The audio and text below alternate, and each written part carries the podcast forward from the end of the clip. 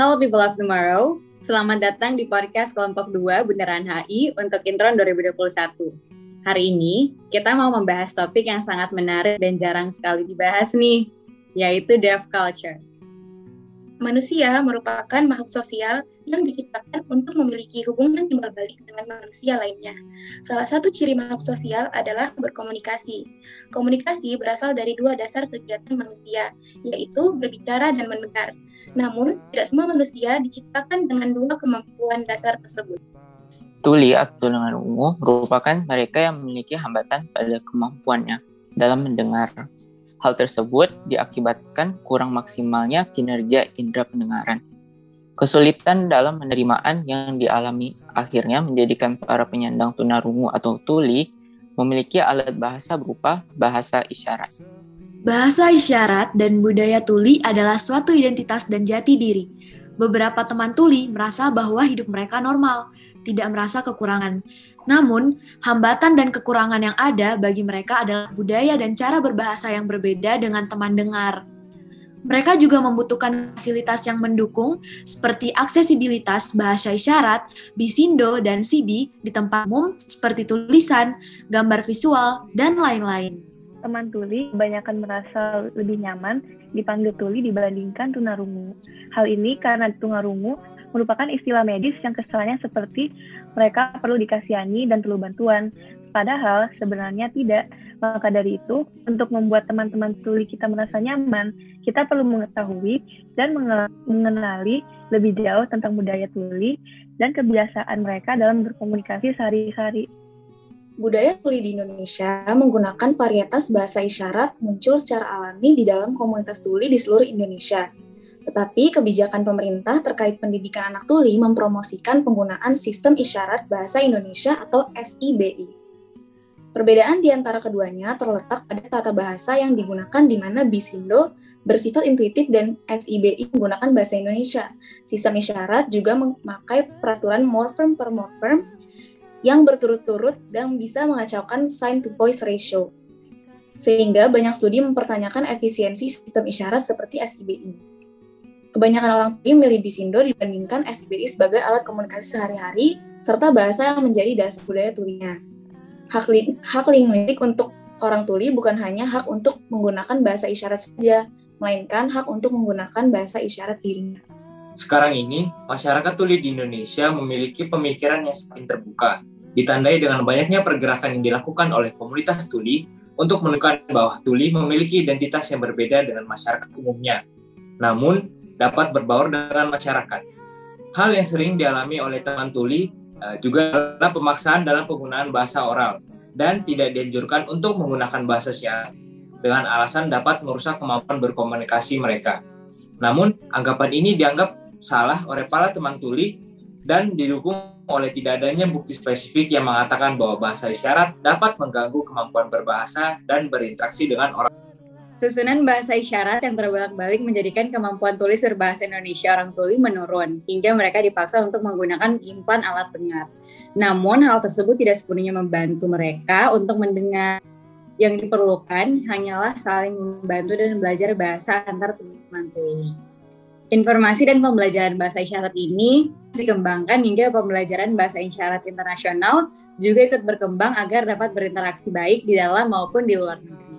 Permasalahan yang terjadi di Indonesia salah satunya adalah penolakan terhadap CD dan dukungan terhadap Bisindo yang dilatar belakangi oleh keterwakilan bahasa isyarat akan budaya tuli.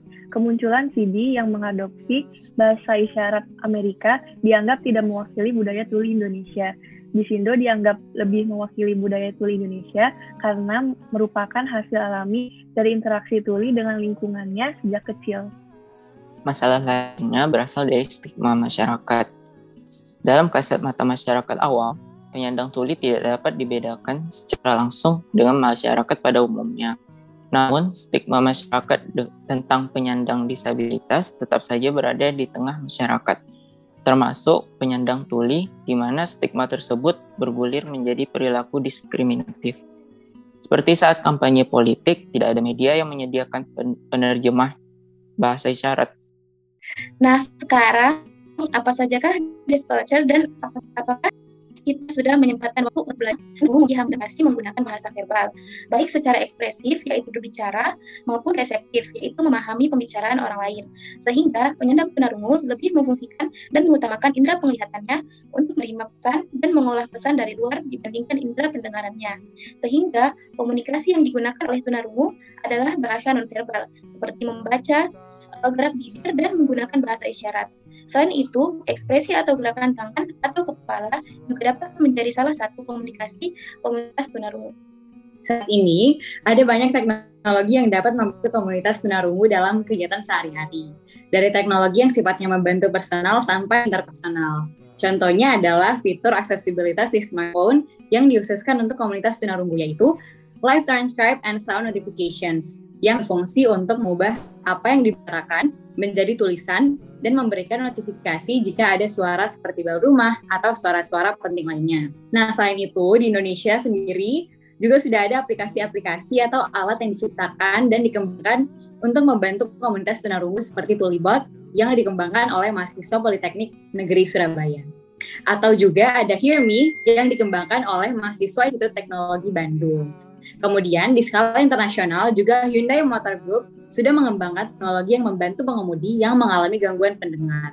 Dalam hal seni, komunitas tunarungu tidak mengalami keterbatasan dalam berkarya atau menikmati suatu karya. Contohnya adalah Bagaskara Maharastu yang merupakan seorang pelukis. Selain itu dapat pula Saori Fujimoto, seorang seniman bahasa, bahasa isyarat yang mengcover lagu-lagu K-pop menggunakan bahasa isyarat.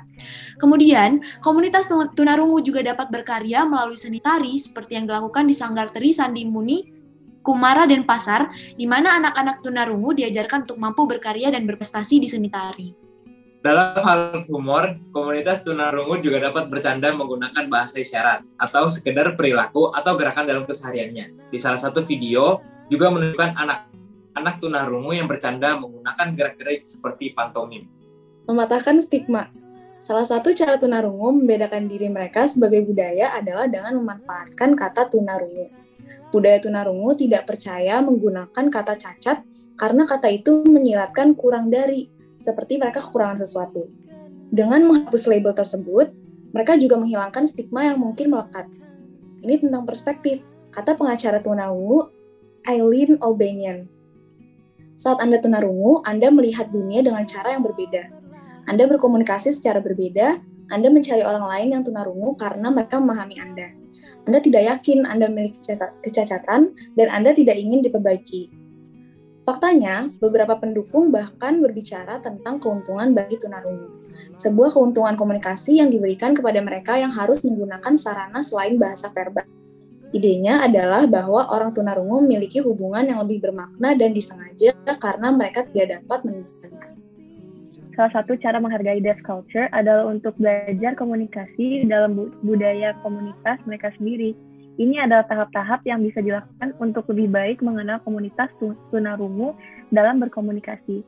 Tahap pertama adalah akui fakta bahwa upaya komunikasi pertama Anda akan terasa canggung dan tidak nyaman. Ini akan berlalu saat interaksi Anda berlangsung. Yang kedua adalah untuk tidak apa-apa menggunakan kertas dan pena. Nyatanya, penyandang tunarungu akan lebih menghargai upaya Anda jika menggunakan kombinasi metode komunikasi seperti gerakan tangan, ekspresi wajah, dan kata-kata tertulis. Ketiga, luangkan waktu untuk berkomunikasi dan terhubung. Orang tunarungu menganggap komunikasi sebagai investasi waktu dan tenaga. Perlambat, luangkan waktu Anda dan mintalah klarifikasi jika Anda membutuhkannya. Keempat, pahami bahwa orang tunarungu mendengarkan dengan mata mereka, Visi adalah alat paling berguna untuk yang mereka miliki untuk berkomunikasi dan menerima informasi. Untuk alasan ini, bicaralah saat Anda melakukan kontak mata meskipun mereka menggunakan penerjemah. Mempertahankan kontak mata adalah tanda hormat. Gunakan awal dan akhir percakapan sebagai kesempatan untuk melakukan kontak fisik dan visual dengan penyandang tunarungu, terutama jika mereka telah menggunakan penerjemah selama percakapan Anda. Tersenyum, berjabat tangan, sentuh lengannya jika perlu, dan lakukan kontak mata. Mungkin itu saja yang dapat kami sampaikan pada podcast hari ini. Terima kasih banyak pada para pendengar yang telah hadir.